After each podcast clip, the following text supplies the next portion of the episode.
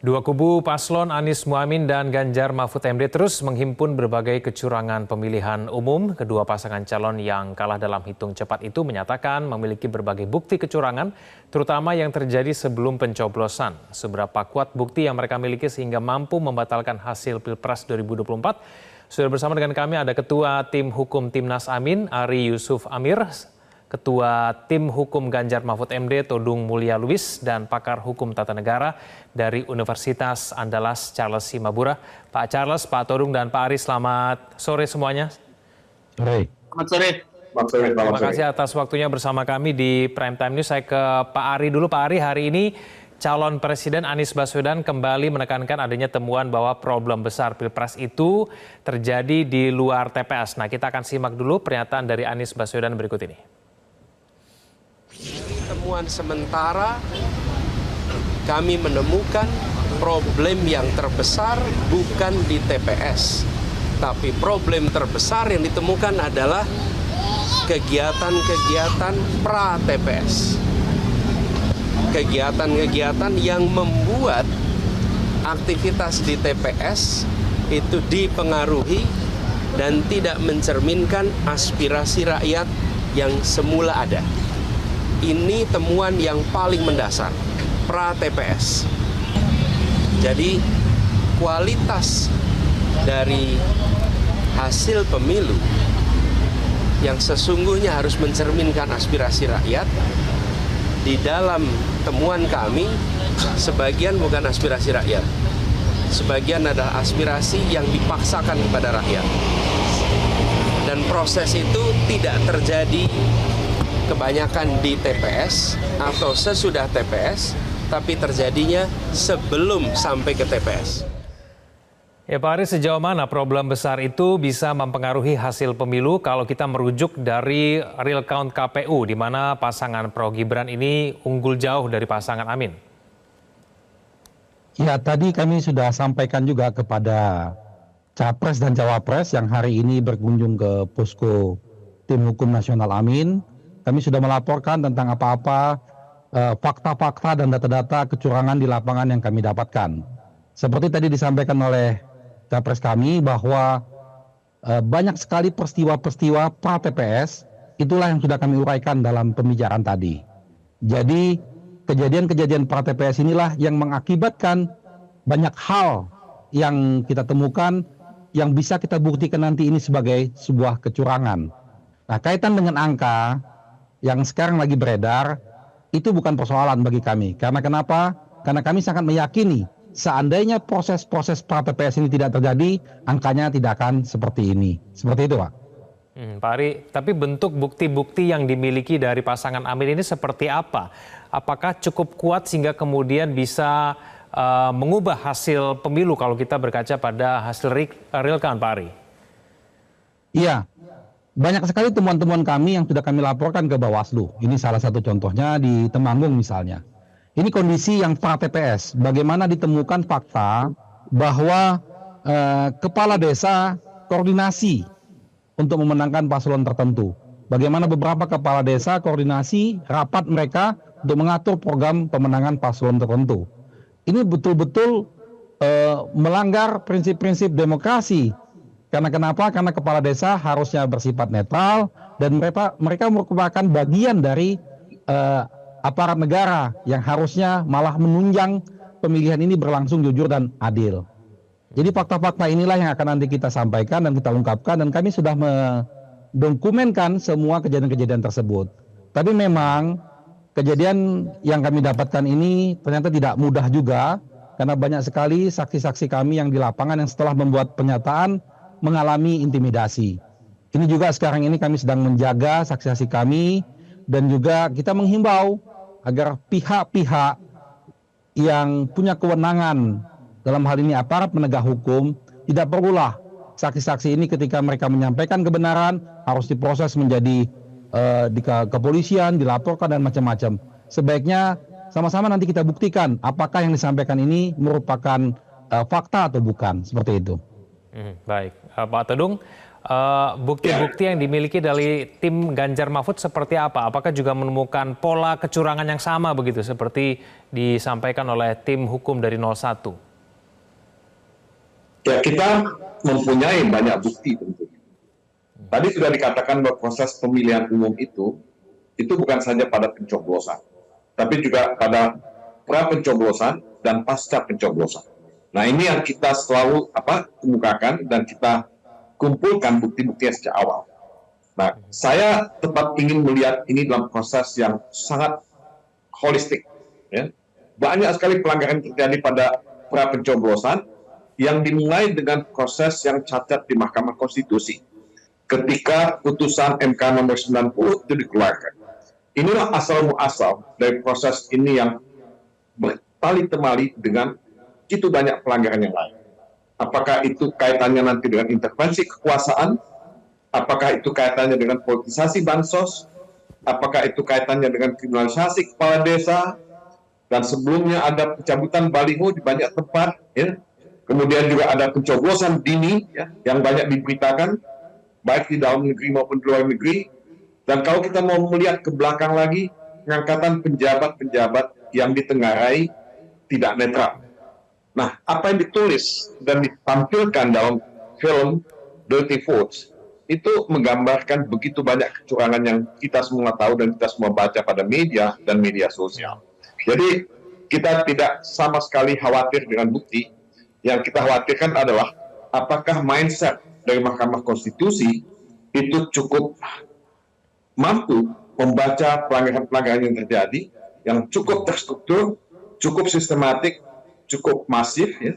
Dan apakah Mahkamah Konstitusi bisa melepaskan dirinya dari sebutan Mahkamah kalkulator? Karena angka itu tidak berdiri sendiri. Angka perolehan suara itu adalah produk dari proses-proses yang sebelumnya ya proses pra pencoblosan nah apa yang terjadi pada pra pencoblosan itu? Itu yang ikut menentukan voting behavior. Ketika kepala desa mengalami intimidasi.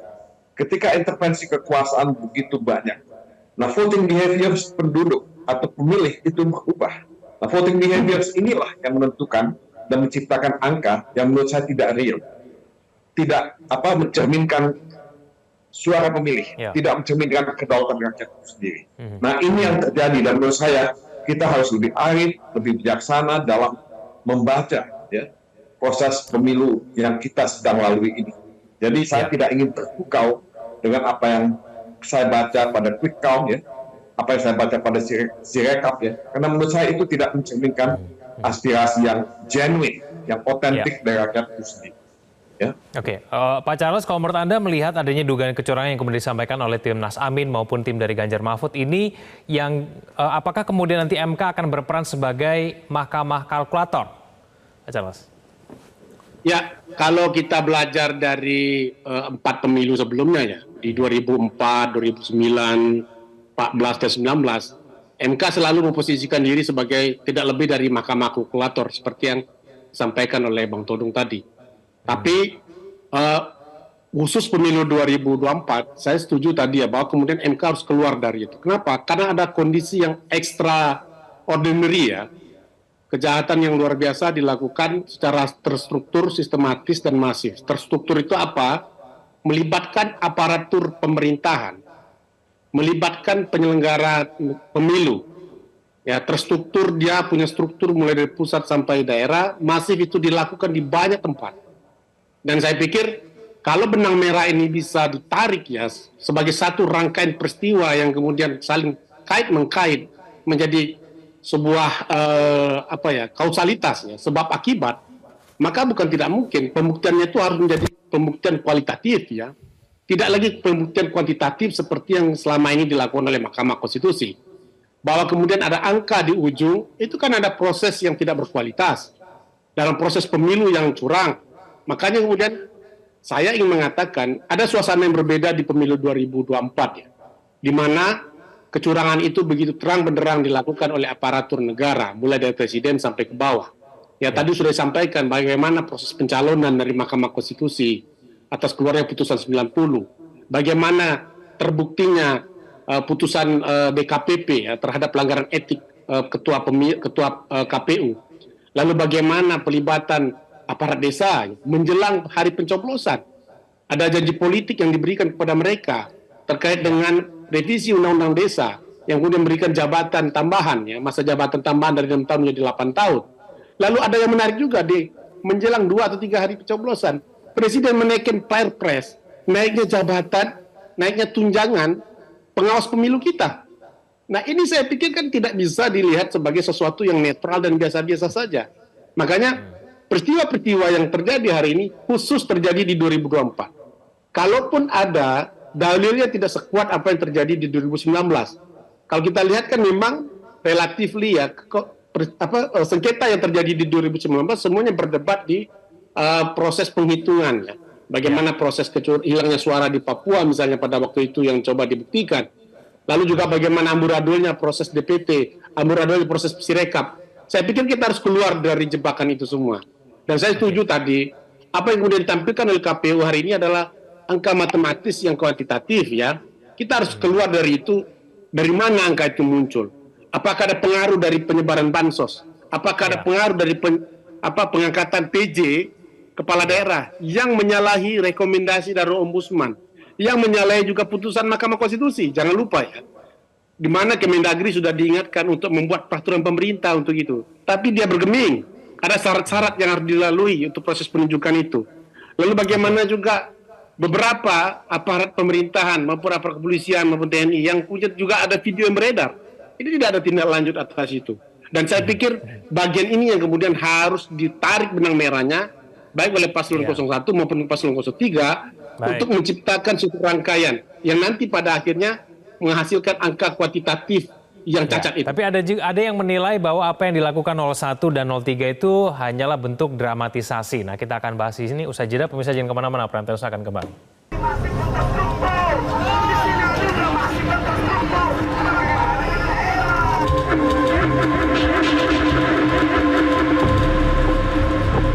kecurangan itu memang didesain. Jadi bukan kita lihat, kita rasakan dari awal dari proses uh, pencalonan Gibran. Ya udah itu faktanya udah begitu.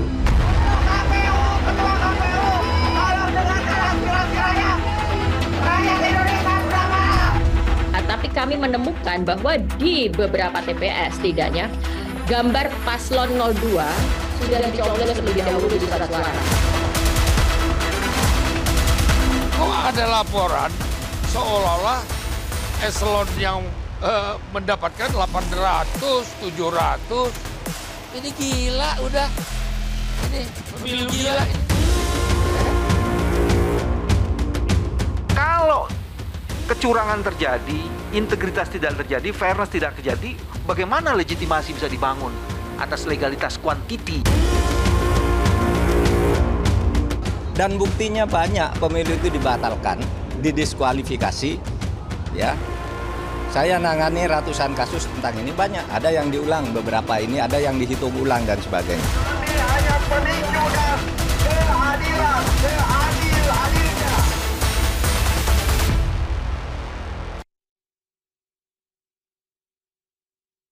Memang belakangan atau sebetulnya sejak awal 02 selalu dikaitkan dengan pelaku kecurangan. Mengapa menurut Anda analisanya? Dan bahkan dikaitkan dengan desain besar kecurangan. Kemudian dikaitkan Pak Jokowi sebagai presiden, kepala negara, kepala pemerintahan juga bagian dari kecurangan. Hmm. Ya. Uh, ini bagi kami di 02 itu se seperti mendramatisasi atau seperti membuat drama hmm. uh, flying victim bahwa mereka menjadi korban. Oke. Okay. Sejak sebelum pemilu dilakukan, sebelum pemungutan suara mereka sudah membangun uh, persepsi bahwa mereka korban. Hmm. Nggak tahu saya maksudnya apakah hmm. mereka ingin ada semacam sentimen positif bagi mereka supaya mendapat dukungan karena menjadi korban atau hmm. apa yang saya kira nggak tahu. Tapi uh, kita harus cek dan kita bisa cross check seperti apa situasi sesungguhnya. Anda membantah semua yang diungkapkan sebagai sebuah desain kecurangan oleh kekuasaan itu? Kita bisa clearkan satu persatu, bisa hmm. kita cek satu persatu, okay. kita bisa bantah satu persatu.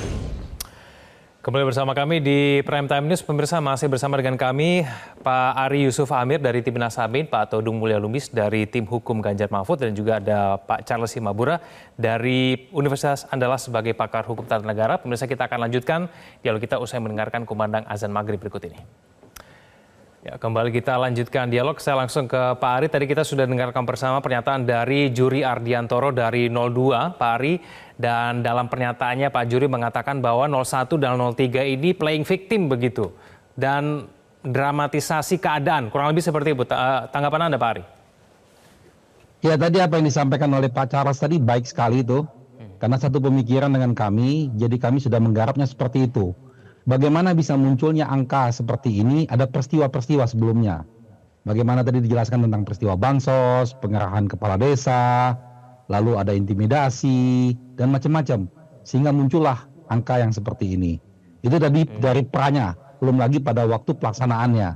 Nah, sehingga kita ini bicara tentang data-data dan fakta-fakta yang semua masyarakat juga mengetahui. Cuman mungkin masyarakat ada yang takut uh, sebagai saksi. Itu aja persoalannya. Tetapi kami bertugas sekarang mengumpulkan uh, kepingan-kepingan saksi-saksi ini nanti akan kami buktikan di Mahkamah Konstitusi. Karena kenapa? Karena ini penting bagi kita agar sama-sama menjaga demokrasi kita bisa berjalan dengan baik. Persoalan ya. kita bukan pada angka dan persoalan kita bukan pada menang dan kalah. Tapi persoalan kita adalah bagaimana kita menegakkan hukum dan menjaga integritas pemilu kita. Seperti itu. Hmm, Tadi Pak Juri mengatakan bahwa ini hanya dramatisasi keadaan dari 0103. Pak Ari, tanggapan Anda? Ya apa mau dikatakan dramatisasi kalau faktanya ada. Drama itu kan kalau mengada-ada. Kalau misalnya tidak ada, diada-adakan. Itu namanya drama. Tapi kalau fakta-faktanya ada dan dirasakan oleh semua kita, itu fakta yang harus kita perbaikin. Hmm. Justru saya menganggap bahwa pihak 02 seakan-akan menutup mata tentang bagaimana keterlibatan aparat dari tingkat atas sampai tingkat bawah. Mereka saya yakin menyadari itu, tapi mereka malu saja untuk mengatakannya. Hmm. Hmm. Oke, Pak Todung, apakah 03 playing victim mendramatisasi keadaan, Pak Todung? Saya menolak secara kategoris ya pernyataan saya Yudi bahwa kita playing victim dan melakukan dramatisasi. Saya kira apa yang saya kemukakan tadi itu semua adalah fakta-fakta yang kita temukan di lapangan saya pernah menjadi wakil ketua Panwaslu pada tahun 1999. Nah, saya melihat pemilihan umum pada waktu itu berjalan dengan sangat demokratis, sangat fair, sangat terbuka, sangat jujur dan adil. Tahun 2004 saya juga punya pengalaman karena saya ikut dalam kampanye bersama Presiden SBY pada waktu itu. Tahun 2014 saya juga ikut membantu Presiden Jokowi, ya, ikut dalam tim kampanye pada waktu itu. Saya melihat suasana demokratis yang sangat ya kondusif, dan itu yang kita tidak temukan pada sekarang ini. Nah, posisi paslon 1, posisi paslon 2, posisi paslon 3 itu equal. Kita sama kedudukan di depan hukum. Tidak ada yang playing victim, tidak ada yang melakukan dramatisasi, tapi kita semua menghadapi pelanggaran-pelanggaran yang sangat sistematik, sangat masif, dan sangat terstruktur. Nah, apakah salah kalau kita mempersoalkan bagaimana putusan MK nomor 90 yang melahirkan pencalonan yang menurut kami secara konstitusional itu cacat. Ini tidak ada persoalan personal, ini tidak ada persoalan pribadi di sini. Tapi menurut saya kita mesti menghormati konstitusi kita, mesti menghormati hukum kita. Nah kalau kita bicara mengenai konstitusi dan hukum, menurut saya ini bukan playing victim, ini bukan dramatisasi. Ini adalah fakta yang kita temukan dan dibahas oleh semua akademisi, semua aktivis sosial, semua media. Nah kalau kita bicara mengenai kriminalisasi yang dilakukan terhadap kepala desa, ini juga fakta gitu. Itu bukan dramatisasi. Kami punya bukti, kami sudah bertemu dengan beberapa kepala desa yang mendapat surat panggilan dari pihak kepolisian. Nah ini hal-hal yang semacam ini menurut saya bisa dilihat dengan jernih, dengan kepala dingin, tidak menuduh ya bahwa ada dramatisasi, ada playing victim, sama sekali tidak.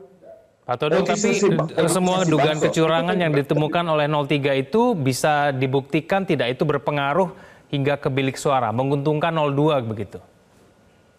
Loh, kalau tadi kita bicara politisasi bansos, serangan fajar, kriminalisasi dan intervensi kekuasaan, apakah menurut Anda ya, voting behavior penduduk itu tidak akan terpengaruh? Nah, voting behavior itu didikte oleh pengarah, voting behavior itu didikte oleh ya penerimaan bansos. Voting behavior itu, ya perilaku pemilih itu bisa didikte oleh kriminalisasi. Menurut saya itu mempengaruhi ya pencoblosan yang terjadi pada tanggal 14 Februari itu. Jadi ini bukan semata-mata soal apa ya, soal uh, ya hukum ya. Ini soal psikologi politik. Ini soal sosiologi politik. Nah ini yang mesti dilihat juga. Nah kalau kita bicara etika, nah etika juga banyak sekali yang dilanggar secara sangat kasat mata dalam eh, proses-proses uh, pencoblosan itu. Jadi hmm. saya sama sekali tidak khawatir kalau anda tanya apakah bukti-bukti itu akan bisa ditampilkan pada waktunya kita akan tampilkan bukti-bukti yang betul-betul ya bisa didengar, bisa dilihat, bisa diverifikasi, bisa divalidasi. Ya. Hmm. Dan saksi-saksi juga kita akan tampilkan, termasuk ahli. Ya.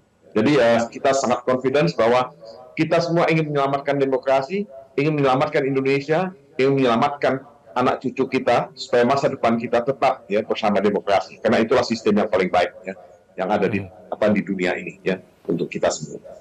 Ya, baik. Uh, Pak Charles, bukankah kemudian dugaan, eh, dugaan kecurangan yang disampaikan oleh 01 dan 03 ini sebetulnya juga sudah disampaikan kepada Bawaslu Republik Indonesia. Dan kemudian Bawaslu juga dianggap tidak merespon secara maksimal mengenai laporan-laporan dugaan kecurangan seperti ini. Nah ini bagaimana tanggapan Anda? Ya justru itu tadi, makanya saya semakin yakin ya kalau Bawaslu kemudian terkategori seperti yang disampaikan Egan tadi tidak merespon, Makanya dia masuk bagian dari yang terstruktur tadi, yaitu apa keterlibatan penyelenggara pemilu yang tidak independen, yang tidak melaksanakan tugas dan wewenang serta kewajibannya. Karena kan dua unsur yang disebutkan tegas dalam undang-undang itu ya, terlibatnya aparat pemerintahan dan penyelenggara pemilu. Kalau KPU-nya saya pikir sudah jelas bermasalah ya. Ketuanya itu sudah tiga kali loh dapat peringatan keras, tapi nggak juga diberhentikan. Lalu juga bagaimana kemudian Bawaslu juga untuk membuktikan bagi-bagi susu saja di sebuah acara Car Free Day, dia nggak bisa menyatakan sebagai pelanggaran Padahal jelas ya programnya itu kan bagi-bagi susu. Lalu dilaksanakan di dalam acara Car Free Day. Itu bagi saya sederhana sekali membuktikannya. Dan memang pembiaran itu dilakukan oleh Bawaslu. Nah ketika itu terjadi, ini yang saya pikir mungkin semakin membuktikan bahwa penyelenggara pemilu kita juga bermasalah. Dan mengomentari apa yang disampaikan oleh Pak Juri. Pak Juri itu ya. juga bagian dari masalah ya. Kenapa? Kita bisa lihat lagi ke belakang. Bagaimana proses seleksi anggota KPU dan anggota Bawaslu. Yang beliau adalah ketua tim selnya yang beliau juga adalah mantan ketua tim sukses tim suksesnya Pak Jokowi ya sebagai salah satu hmm. tim sukses Jokowi. Kita lihat juga perdebatan pada waktu itu ya, kritikan publik terhadap uh, yang bersangkutan ketika meloloskan calon-calon anggota komisioner yang hari ini lagi-lagi dan lagi-lagi terus didera oleh laporan etik ya. Dan saya pikir ini bagian persoalan yang juga harus dipertanggungjawabkan oleh yang bersangkutan. Makanya saya usul kepada 01 dan 03, kalau bicara kecurangan pemilu, nariknya sampai ke belakang ya mulai dari proses seleksi yang kemudian dilakukan oleh Pak Juri, penunjukannya oleh Presiden, hmm. sampai dengan proses uh, pencoblosan itu. Makanya kemudian lagi-lagi saya katakan ini nggak terjadi di pemilu 2019 dan nggak terjadi di pemilu 2014. Yang kemudian tadi sudah disampaikan oleh Bang Todung ya saya sepakat.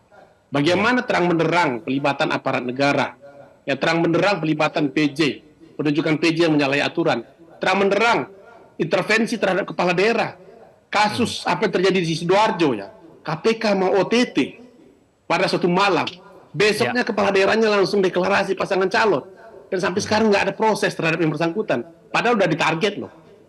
Apa karena dia melakukan deklarasi itu, ya sehingga kemudian dia menjadi uh, apa ya tidak uh, uh, diproses hukum. Dan mungkin juga akan ada data yang bisa kita tampilkan nanti, ya mungkin di 01 03 udah ada datanya beberapa kepala daerah yang punya afiliasi politik tertentu kemudian membelot pindah dukungan. Baik. Bagaimana juga kasus yang menyandera para kepala apa eh, ketua-ketua partai kita pasca hmm. mereka dipanggil oleh para penegak hukum. Itu bisa ya. dilacak semua itu dan saya pikir ini. Nah, saya ingin katakan jangan sampai kita terjebak di narasi si rekapnya. Jangan kita terjebak okay. pada narasi eh, kesalahan-kesalahan uh, hitung yang ada di sirekap. Itu dikawal juga iya betul. Tapi okay. mari konsentrasi Baik. pada kesalahan-kesalahan yang kualitatif itu. Nah ini yang menjadi tantangan besar kita dalam pemilu 2024 okay. ini, bagaimana membuktikannya di MK. Kalau yang kuantitatif, okay. saya pikir itu sederhana sekali.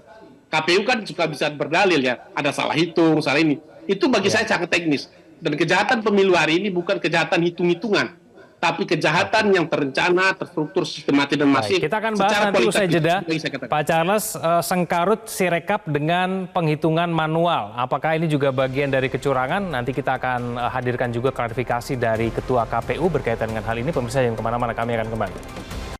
situasi di tingkat kecamatan bahwa apa namanya rekapitulasi itu kemudian dihentikan sementara dalam rangkanya untuk memastikan ini dulu. Kalau di sebuah kecamatan tayangan antara yang sudah unggah dengan hasil suaranya sudah sinkron, maka TPS itu di tingkat kecamatan rekapitulasinya jalan terus. Tapi bagi yang belum sinkron ini kita tidak tayangkan dulu sehingga kemudian yang dimaksud dengan dihentikan sementara itu tidak kemudian berhenti total tidak sembari berjalan bagi yang belum sinkron atau antara tayangan foto dengan hasil eh, konversi suaranya di dalam sirekap itu belum kita lanjutkan untuk rekapitulasinya. Mengapa? Karena nanti proses rekapitulasi di tingkat kecamatan kan anggota PPK atau PPK itu membuka kotak suara. Membuka kotak suara kemudian mengeluarkan apa? Formulir C hasil. Yang itu nanti akan dibacakan oleh PPK di dalam rapat pleno terbuka rekapitulasi hasil penghitungan suara tingkat kecamatan. Sambil ditayangkan itu yang web, apa sirekap web bukan kemudian itu jadikan dasar atau rujukan bukan pembanding apakah yang ditayangkan sudah sama dengan yang asli atau Ya, Pak Ari, KPU sedang melakukan sinkronisasi antara data formulir C hasil dengan Sirekap, tapi membantah menghentikan sementara rekapitulasi. Eh, bagaimana tanggapan dari Timnas Amin melihat sengkarut Sirekap ini? Ya faktanya di lapangan sekarang tertunda. Kami mendapat laporan dari saksi-saksi kami di lapangan ini lagi ditunda karena menunggu perbaikan si rekap ini. Nah persoalannya ini kan ucapan ketua KPU ini berkali-kali berganti-ganti dia. Jadi oleh karena mungkin sudah terlampau banyak permasalahan selalu berubah-ubah. Di awal dia katakan sama Pak Ketua KPU bahwa ini hanyalah alat bantu. Kalau ini hanya alat bantu, apa urusannya ditunda penghitungan di kecamatan dengan perbaikan sirekap? Jadi nggak nyambung itu. Nah di sisi lain dia lupa di PKPU 5 tahun 2024 tentang sirekap ini juga sudah diatur. Jadi ada konsekuensi hukum terhadap permasalahan yang muncul di sirekap ini. Makanya berulang kali kami sudah mencuratin pihak KPU untuk melakukan audit terhadap semua sistem informasinya KPU. Tetapi ini tidak pernah ditanggapi. Lalu kami melaporkan ini ke Bawaslu juga. Nah sekarang terbukti begitu banyaknya permasalahan dalam sirekap ini. Dan jangan lupa kalau dikatakan bahwa ini sirekap ini eh, masalah administrasi hanya eh, apa namanya mengakibatkan gangguan eh, tentang suara semuanya pada naik. Tidak begitu faktanya di lapangan. Di lapangan kita menemukan fakta, menemukan bukti bahwa angka 02 itu naiknya luar biasa signifikan dari 60 menjadi 800. Ini juga sudah tidak masuk di akal. Berarti alat ini ada masalah. Oleh karena itu kita berkali-kali sudah mengusulkan kalau tidak ada yang perlu ditutup-tutupin, kita audit forensik saja. Kita cek alat ini bermasalah tidak, dikondisikan tidak alat ini. Karena inilah pengkondisian Oke. opininya mem- dimulai dari sirekap ini. Dan kami keberatan dengan penundaan eh, penghitungan di kecamatan dan kabupaten. Karena saksi kita berkali-kali meminta itu, itu supaya dilaksanakan. Karena semakin lama kota-kota itu di sana, semakin berbahaya. Peluang untuk berubahnya itu semakin besar. Itu menjadi perhatian penting itu. Ya, baik Pak Tudung, kalau menurut Anda kalau ada penundaan eh, di tingkat kecamatan dalam proses rekapitulasi suara, apakah ini artinya potensi kecurangannya juga tinggi, Pak Tudung? Saya ingin mengingatkan bahwa kita punya waktu yang tidak terlalu panjang sampai tanggal 20 Maret. Memang eh, jadwalnya itu kan bisa lebih cepat dari tanggal 20 Maret. Jadi penundaan-penundaan yang dilakukan pada tingkat kecamatan itu bisa menunda ya proses penghitungan itu. Jadi saya hanya ingin mengingatkan itu karena kalau kita bicara mengenai Sirekap ya, kami sudah berkali-kali meminta supaya dilakukan audit ya eh, forensik terhadap Sirekap itu. Tapi kan itu tidak dilakukan ya atau belum dilakukan. Jadi saya lebih banyak fokus pada penghitungan berjenjang ya secara manual yang dilakukan oleh KPU karena menurut saya angka-angka manual inilah yang mengikat kita semua. Dan mudah-mudahan ya di situ tidak akan terjadi kecurangan. ya. Mudah-mudahan para saksi bisa melihat semuanya dan bisa mempertanyakan kalau ada hal-hal yang tidak ya sesuai ya, dengan ketentuan ya yang mencurigakan ya itu yang dipertanyakan. Buat saya itu lebih penting ya kalau sirekap ini memang banyak masalah ya.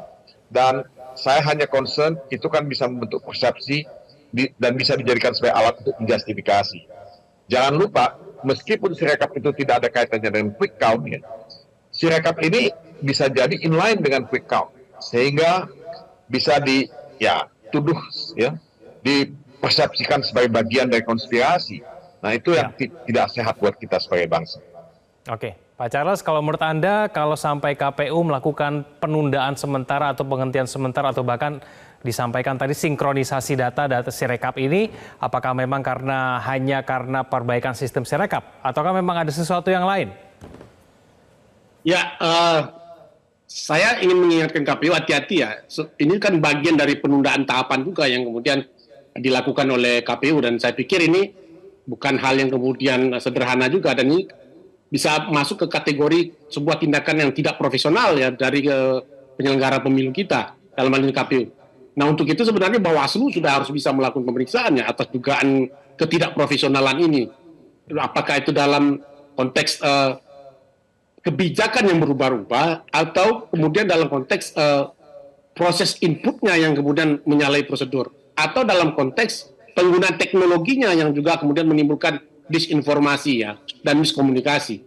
Saya juga khawatir ya jangan sampai kemudian ini apa yang diduga dan dimunculkan sebagai sebuah kecurigaan oleh publik ya ada yang lagi mau dipermainkan ya perolehan suaranya apakah itu di legislatif ya atau di uh, pemilu presiden. Konon katanya kan ada upaya juga untuk coba mendongkrak suara salah satu partai yang kemudian sudah berjanji akan dijanjikan lolos untuk parliamentary threshold. Kalau ini yang terjadi, saya pikir ini berbahaya. Lalu juga jangan sampai Sirekap itu proses yang sekarang ini dianggap dalam rangka untuk menyesuaikan hasil quick count yang tadi sudah disampaikan oleh Bang Todong. Jadi ada sesuatu yang kemudian di luar kelaziman. Quick count yang selama ini digunakan sebagai alat kontrol ya, agar penyelenggara pemilu tidak menyimpangi. Jadi publik sudah tahu lebih dulu bahwa suaranya seperti ini. Justru sekarang seolah-olah mau dipaksa hasil rekap yang rekapitulasi manual ataupun real count-nya itu mau coba disesuaikan. Ya. Di sisi lain, hasil quick count itu dibuat sebagai alat untuk mendemoralisasi ya peserta pemilu yang lain, apakah 01 03 seolah-olah kita 01 misalnya dan 03 sudah terima aja lah ya publik terima aja lah kita sebagai masyarakat terima aja kalau anda mengkritisi anda flying victim kalau anda tidak sepakat dengan hasil quick count dengan hasil rekap yang mendekati quick count anda tidak apa orang yang kemudian tidak demokratis tidak siap kalah dan tidak siap untuk menerima kekalahan itu dan narasi-narasi ini yang kemudian saya pikir ya juga harus dibongkar bersama makanya saya sepakat kalau kita hanya berkutat di persoalan Sirekap, jangan-jangan memang ini modusnya. Ya, semua organ apa energi kita, pikiran kita diarahkan untuk mengkritisi pergeseran-pergeseran angka-angka itu. Yang angkanya sebenarnya di ujung udah ada, ya. Di ujung udah ada. Nah, kalau ini yang kita perdebatkan terus, begitu dibawa ke Mahkamah Konstitusi, saya meyakini ini tidak akan bisa berpengaruh ya besar dan signifikan untuk berubahnya hasil. Kenapa? Karena ya itu tadi, kita akan terjebak pada narasi kalkulasi dan kalkulatorisme itu. Makanya Oke, kemudian baik. mari kita sama-sama fokus bagaimana mengumpulkan bukti-bukti terhadap pelanggaran-pelanggaran kualitatif tadi yang sudah saya sampaikan. Kalau Oke. kita fokus di Sirekap ini, jangan-jangan memang itu yang diharapkan oleh Oke, baik kita akan uh, tunggu perbaikan sistem di Serekap dan kita juga awasi bersama mengenai penghitungan suara secara manual. Uh, sayang sekali waktu kita terbatas. Terima kasih Pak Charles, terima kasih Pak Todung dan juga Pak Ari telah bergabung bersama kami di Prime Time News. Selamat malam semuanya. Jelajahi cara baru mendapatkan informasi. Download Metro TV Extend sekarang.